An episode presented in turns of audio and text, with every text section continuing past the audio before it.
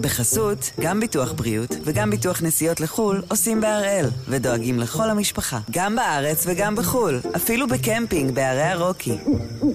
כן, גם שם, כפוף לתנאי הפוליסה וסייגיה ולהנחיות החיתום של החברה. היום יום שני, 13 בפברואר, ואנחנו אחד ביום, מבית N12.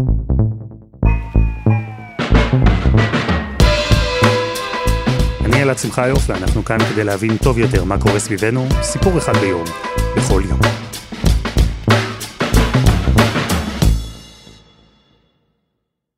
אחרי שבג"ץ קבע שהמינוי של אריה דרעי לשר לא סביר בגלל שהוא שוב הורשע בעבירה פלילית, יושב ראש ש"ס שרטט תוכנית פעולה. נכון, היא לא הייתה מאוד מפורטת או מאוד מדויקת, אבל אפשר היה להבין ממנה לא מעט על התוכניות שלו. כי דרעי אמר שאם יסגרו את הדלת, הוא ייכנס מהחלון, ואם יסגרו את החלון, הוא יפרוץ את התקרה. אז אחרי שהדלת נסגרה בניסיון הראשון, עכשיו אנחנו כנראה בחלון, במה שנקרא חוק דרעי 2.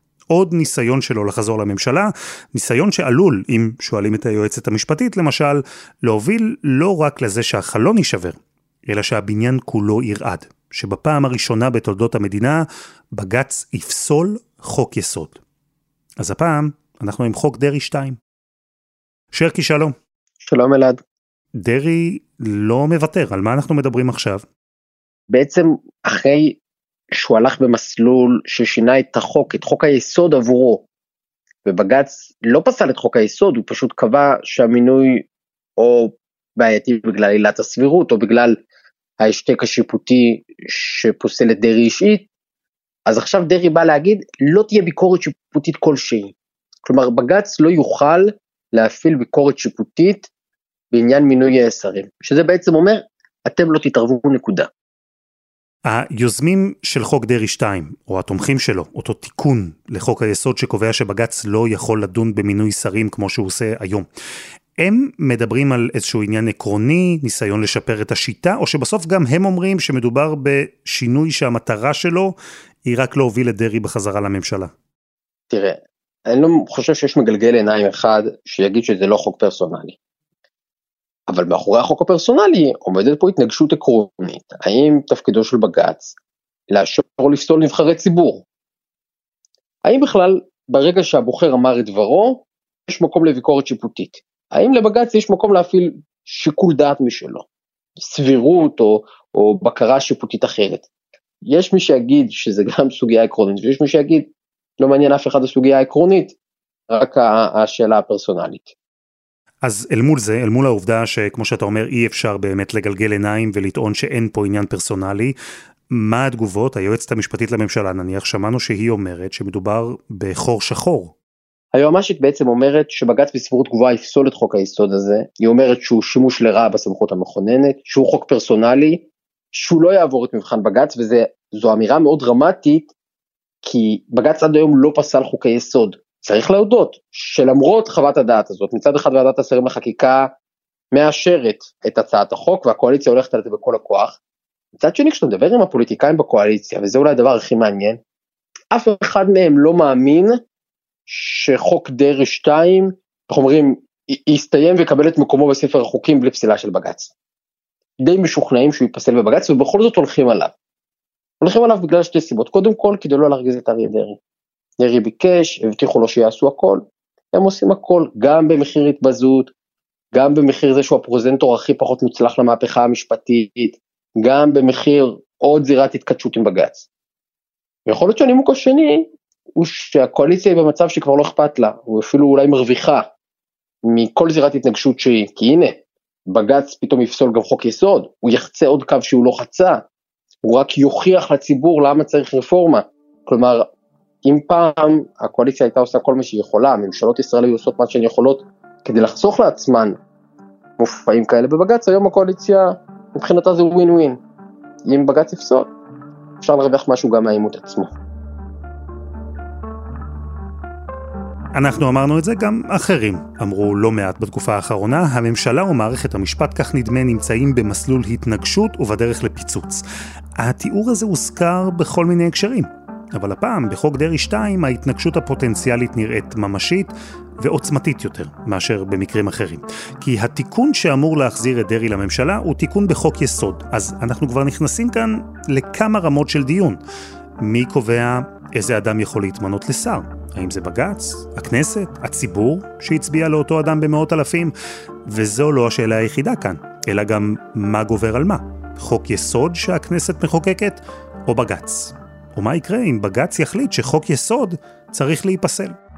זו דרמה מאוד מאוד גדולה, משום שזה לא קרה מעולם, אנחנו אי פעם זה לא קרה במשפט החוקתי הישראלי שבית המשפט התערב ופסל ממש חוק יסוד, וזה דבר מאוד מאוד חריג.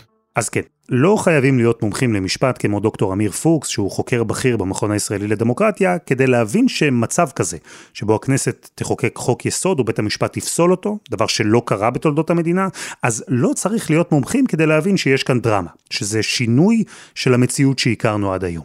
בכל הפעמים ששמענו על ביקורת חוקתית, זאת אומרת שבג"ץ פסל איזשהו חוק, זה משום שחוק סותר חוק יסוד. מכיוון שחוקי היסוד שלנו הם המקבילים לחוקה, אז כשיש לך חוק שסותר את החוקה, אז במקרים נדירים בית המשפט אכן מבטל אותו, אבל כאן אנחנו מדברים על תיקון לחוק יסוד, שזה למעשה תיקון של החוקה עצמה. ולטעון שהתיקון של החוקה עצמה הוא עצמו בטל, זו באמת פעולה מאוד מאוד uh, קיצונית, uh, נשק בלתי קונבנציונלי, איך שלא נקרא לזה, ולכן זה מעולם עדיין לא קרה. וזה לא שלא היו רגעים קרובים. זה לא שעד עכשיו לא היה מתח סביב חוקי היסוד, זה לא שעד עכשיו בג"ץ לא נדרש לקבל החלטות בקשר לחוקי היסוד, כי זה כבר קרה, לא מעט. באזור שנות האלפיים התחילו אה, למשל העתירות שעסקו בתקציב הדו-שנתי, שטענו שזה פוגע קשות בהפרדת הרשויות מבחינת זה שלכנסת חייבת להיות הסמכות להעביר אה, תקציב בכל שנה. ובסופו של דבר התגבשה שם הלכה שאומרת התקציב הדו שנתי משום שהיה ברור שהוא סותר חוק יסוד כי חוק יסוד תקציב המדינה קובע שבכל שנה צריך לעבור אה, תקציב אז העבירו את התקציב הדו שנתי כחוק יסוד. זו פרקטיקה שבכנסת הישראלית גילו והיו ממש מבסוטים עליה. אם בג"ץ יכול לקחת חוק רגיל ולפסול אותו כי הוא מנוגד לחוק יסוד, אז פשוט ניקח את היוזמה שאנחנו רוצים לקדם, נניח סתם שבכנסת יהיו 200 חברים. אם היא תהיה תחת הכותרת חוק יסוד, בג"ץ לא יבטל אותה. עכשיו, זה נכון שחוקי יסוד אמורים להיות חוקי על, כאלה שהמעמד שלהם גבוה יותר משל חוקים רגילים. זה אולי במהות, אבל בפרקטיקה, החקיקה של חוקי יסוד רגילה לחלוטין. חוקי יסוד בישראל נחקקים בצורה אה, דומה עד כדי זהה לחוקים רגילים. אה, אין להם הליך מיוחד, אין להם רוב מיוחד, למעט חלקם שדרושים 61, שזה הרוב הקואליציוני הרגיל. אז כבר כשאנחנו נכנסים לנושא הזה אנחנו צריכים לזכור שלמעשה הכנסת יכולה לחוקק חוקי יסוד מאוד מאוד בקלות ולא סתם שהיא יכולה היא גם ממש עושה את זה זאת אומרת היא מכניסה עשרות תיקונים בכל עשור מספר תיקונים גבוה מאוד, חריג ב, בסדרי גודל מכל תיקונים חוקתיים בכל מדינה אחרת, ומדובר בכללי המשחק שלנו. המצב הזה, אני מניח שכבר הבנתם, הוא ייחודי.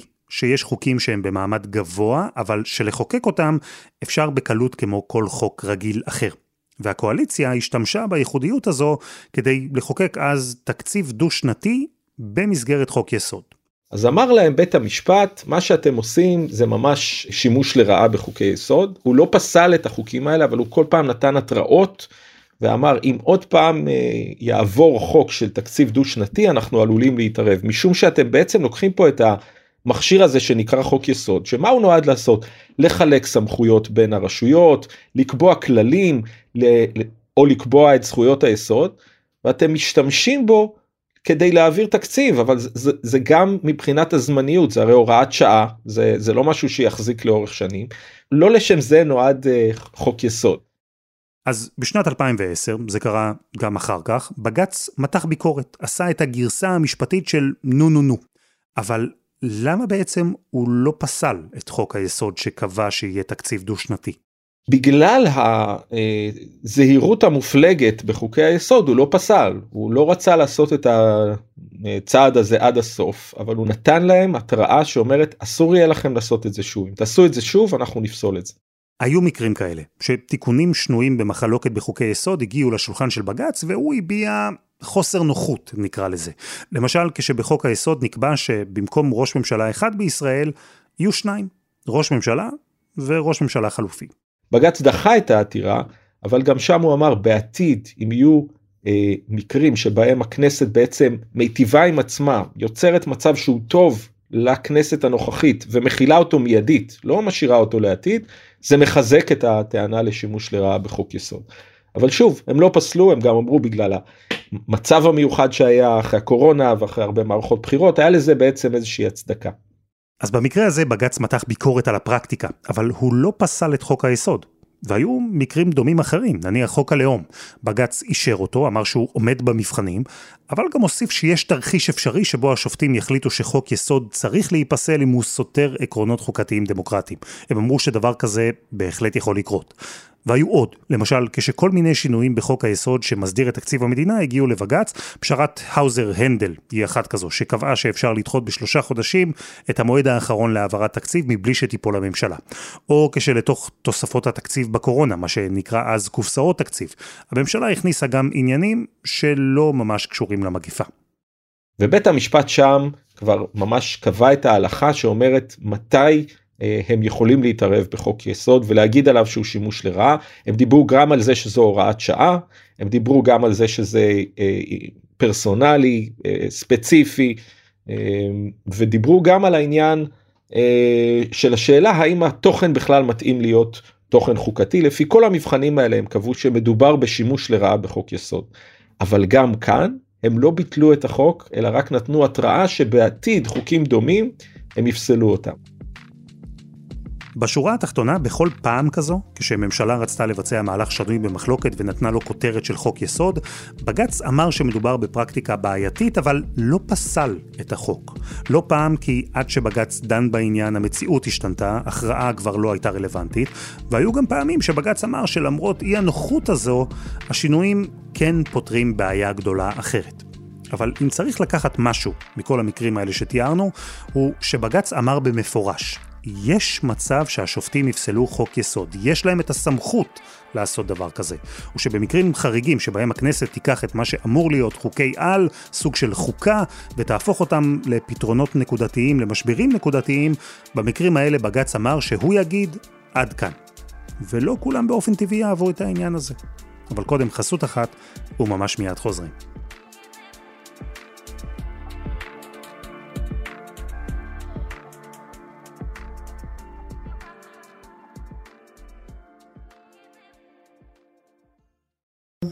בחסות, גם ביטוח בריאות וגם ביטוח נסיעות לחו"ל עושים בהראל, ודואגים לכל המשפחה, גם בארץ וגם בחו"ל, אפילו בקמפינג בערי הרוקי. כן, גם שם, כפוף לתנאי הפוליסה וסייגיה ולהנחיות החיתום של החברה.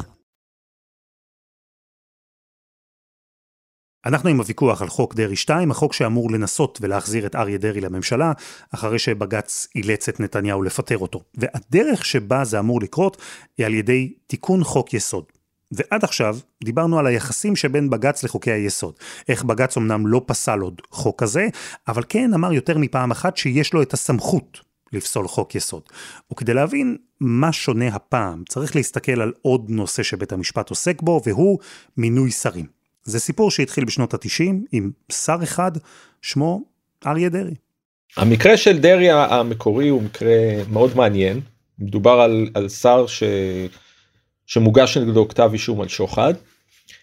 כשרבין הלך לבית המשפט וניסה להגן על, על השיקולים שלו שהוא טען אני מבין את השיקולים מצד אחד של היושרה הציבורית ושל האמון הציבור ואיך שזה נראה מצד שני יש לי פה שיקול פוליטי מאוד חזק אני צריך להחזיק את הממשלה שלי ודרעי וש"ס הם חלק חשוב בממשלה שלי ואם היא תיפול אני לא אוכל להעביר את הסכם אוסלו זאת אומרת זה היה השיקול שרבין בא ושטח בפני בג"ץ ובג"ץ דחה את השיקול הזה וטען שההחלטה של רבין שלא לפטר את דרעי על סמך אה, כתב האישום החמור היא החלטה לא סבירה. אז זה המקרה ההוא.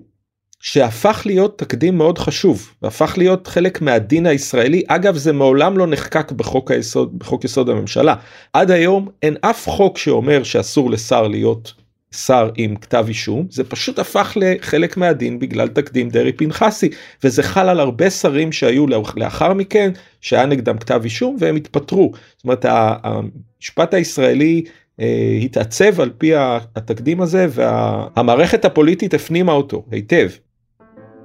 הלכת דרעי פנחסי, זו שבג"ץ קבע שלפיה שר או סגן שר לא יכולים לכהן עם כתב אישום, נשמרה עד היום. אלא שאז הגיעה הממשלה החדשה, ושוב אריה דרעי במרכז, שוב אחרי שהורשע בפלילים, ושוב הוא מונה לשר. והממשלה יזמה את מה שנקרא עכשיו חוק דרעי הראשון. שינוי של חוק יסוד הממשלה, שקובע שאדם שנגזר עליו עונש מאסר על תנאי ולא עונש מאסר בפועל, כמו דרעי עכשיו, אדם כזה יכול לכהן כשר. אנחנו דיברנו על זה כאן בהרחבה בפרק שנקרא פסילת דרעי השנייה. אם אתם קצת מבולבלים בעניין, אני ממש ממליץ שתאזינו. אז הממשלה תיקנה את חוק היסוד, ושוב הוגשו עתירות לבג"ץ. בית המשפט אמר, אוקיי, אני לא נוגע כרגע בתיקון שעשיתם לחוק יסוד הממשלה, ולכן דרעי כשיר לכהן כשר, אבל כשירות לחוד וסבירות לחוד, וזה לא סביר שאדם שבעבר הורשע בשני תיקי שוחד, ישב בכלא, חזר לכהן, אחרי כל זה הוא עכשיו הורשע שוב בעבירה, אמנם עבירה יותר קלה של מס, אבל עדיין הורשע בעבירה פלילית. מצב הזה זה לא סביר, הם בעצם ראו את עצמם כמי שאוכפים את פסק הדין של, של בית משפט השלום. כל זה, לפי התיקון החדש, לכאורה לא יוכל להיות אה, יותר רלוונטי, כי אי אפשר יהיה בכלל לעתור כנגד אה, מינוי או פיטורין של שרים. השאלה של חוק היסוד לא הייתה רלוונטית בדיון על חוק דרעי מספר אחת. בג"ץ לא פסל את התיקון בחוק יסוד הממשלה, פשוט כי היו עילות אחרות לפסול את דרעי מהתפקיד, ודרעי אכן נפסל. ולכן הגענו עכשיו לחוק דרעי מספר 2, אותו חוק שהיועצת המשפטית לממשלה הזהירה שיכול להוביל לרגע שבו בג"ץ בפעם הראשונה יפסול חוק יסוד. החוק מאוד פשוט, הוא אומר לבית המשפט או לכל גוף אחר, כל גוף שיפוטי, לא תהיה סמכות לעסוק בכלל אה, בשאלה של מינוי או פיטורי שרים. נקודה. זהו. אז אה, מיד אחרי שהחוק הזה עובר, אה, דרעי ימונה מחדש, הכנסת תאשר את המינוי הזה ולא יהיה גוף שיוכל בכלל לעסוק בעתירות לגבי מינויים ולכן הוא יהיה שר. וזה התיקון הזה הוא יהיה בחוק יסוד הממשלה. כן, תיקון לחוק יסוד הממשלה שאגב נאמר בו שאי אפשר יהיה לעסוק במינויים ופיטורים אלא רק לגבי ההתקיימות של תנאי הכשירות זאת אומרת שאם מישהו טוען שמישהו לא עומד בתנאי הכשירות אז על זה כן אפשר לעתור. אז מה עם תנאי הכשירות? אין לנו תנאי כשירות לשרים. אה, התנאי הכשירות הם שאתה אזרח ותושב ישראלי ויש לך דופק. זה נכון שיש שם את העניין של הרשעה פלילית שאחרי שבע שנים אחרי סיום המאסר אתה יכול לחזור אבל אלה לא תנאי כשירות מהותיים זאת אומרת אפילו אין שם למשל תנאי כשירות של גיל לכאורה אפשר למנות את הילדה הקטנה שלי להיות שרה בישראל ואיש לא יוכל לעתור כנגד זה שזה לא סביר או לא הגיוני פשוט משום שאין כמעט תנאי כשירות לשרים. אז ההתעלות בתנאי הכשירות היא היתממות. ובעיקר שוב אם אנחנו חוזרים על, בגלל ביטול של הלכת דרעי פנחסי אז uh, אפשר יהיה למנות כל אדם לא משנה כנגד מה איזה כתב אישום עומד כנגדו וגם למשל מישהו שהורשע בעבירות מאוד מאוד חמורות ברגע שעברו שבע השנים מיום סיום המאסר. זה יכול להיות העבירות החמורות ביותר בחוק העונשין. רוב של 61 תמיד יוכל להגיד טוב אבל אנחנו ממש רוצים למנות את האיש הזה בלעדיו אין לנו ממשלה. אז בוא נתקן. לכן גם העניין הזה של שבע שנים אחרי ריצוי מאסר הוא גם כן לא מרשים אותי במיוחד כי אם יהיה מישהו שהוא אחרי חמש שנים אחרי ריצוי המאסר שלו וממש ירצו למנות אותו אז יכתבו שם במקום שבע חמש בדיוק כמו שתיקנו לדרעי את החוק לפני חודש. ובמצב שנוצר שבו יש כוונה לשנות חוק יסוד כדי שבג"ץ לא יוכל לדון במינוי שרים, לשנות את החוק הזה עכשיו, באופן מיידי, כשלכולם ברור שהשינוי הוא פרסונלי, שהמטרה שלו היא להחזיר לממשלה את דרעי. אז במצב הזה, היועצת המשפטית לממשלה, ולא רק היא, חושבים שאחרי שנים ארוכות של נו נו נו משפטי, הפעם בג"ץ יתערב ויפסול תיקון לחוק יסוד. אני חושש שלא תהיה לו ברירה. כי אחרת זה, זה למעשה מעמיד את הממשלה הזאת מעל החוק. היא יכולה לכתוב מה שהיא רוצה בחוקי יסוד, גם אם מדובר בביטול של פסק דין ספציפי לגבי אדם ספציפי, אה, דבר כזה הופך בעצם עוד לפני שעשינו את הרפורמה שעליה אנחנו מדברים כל הזמן שהציע השר לוין וחבר הכנסת רוטמן למעשה כבר כאן אנחנו נגיע למצב שאם בית המשפט לא מתערב בכזה חוק יסוד זה אומר שברגע שהכנסת שמה את הכותרת חוק יסוד היא יכולה לכתוב כל דבר. בית המשפט יהיה חייב לשלוח פה מסר שלא כל דבר יש גבול למה שאפשר לעשות בחוקי היסוד. והחוק הזה דרעי מספר 2 אנחנו אומנם התמקדנו בו כאן, אבל זה לא נכון להסתכל רק עליו, כי הוא חלק ממהפכה משפטית גדולה יותר. כזו שמדברת בין היתר גם על חוק חדש שימנע מבג"ץ בכלל לדון בחוקי יסוד. עכשיו, כמובן שעולה פה השאלה המעגלית של האם כשכותבים כזה דבר בחוק יסוד, את העניין הזה עצמו בית המשפט יכול לפסול.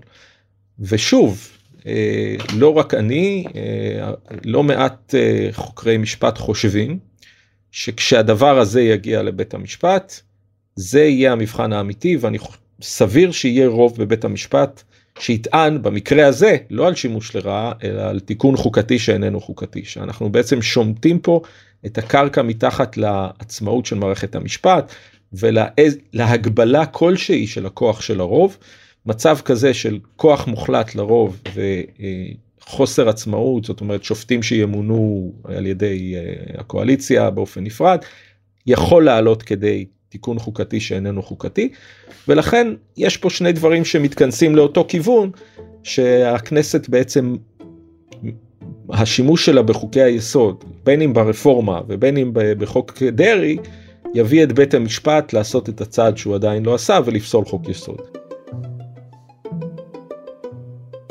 דוקטור אמיר פוקס, תודה. תודה לך, אלעד. ותודה ליאיר שרקי. וזה היה אחד ביום של N12, אנחנו גם בפייסבוק, חפשו אחד ביום, הפודקאסט היומי. העורך שלנו רום אטיק, תחקיר והפקה, עדי חצרוני, רוני ארני ודני נודלמן, על הסאונד גל רודיטי, יאיר בשן יצר את מוזיקת הפתיחה שלנו, ואני אלעד שמחיוף, אנחנו נהיה כאן גם מחר.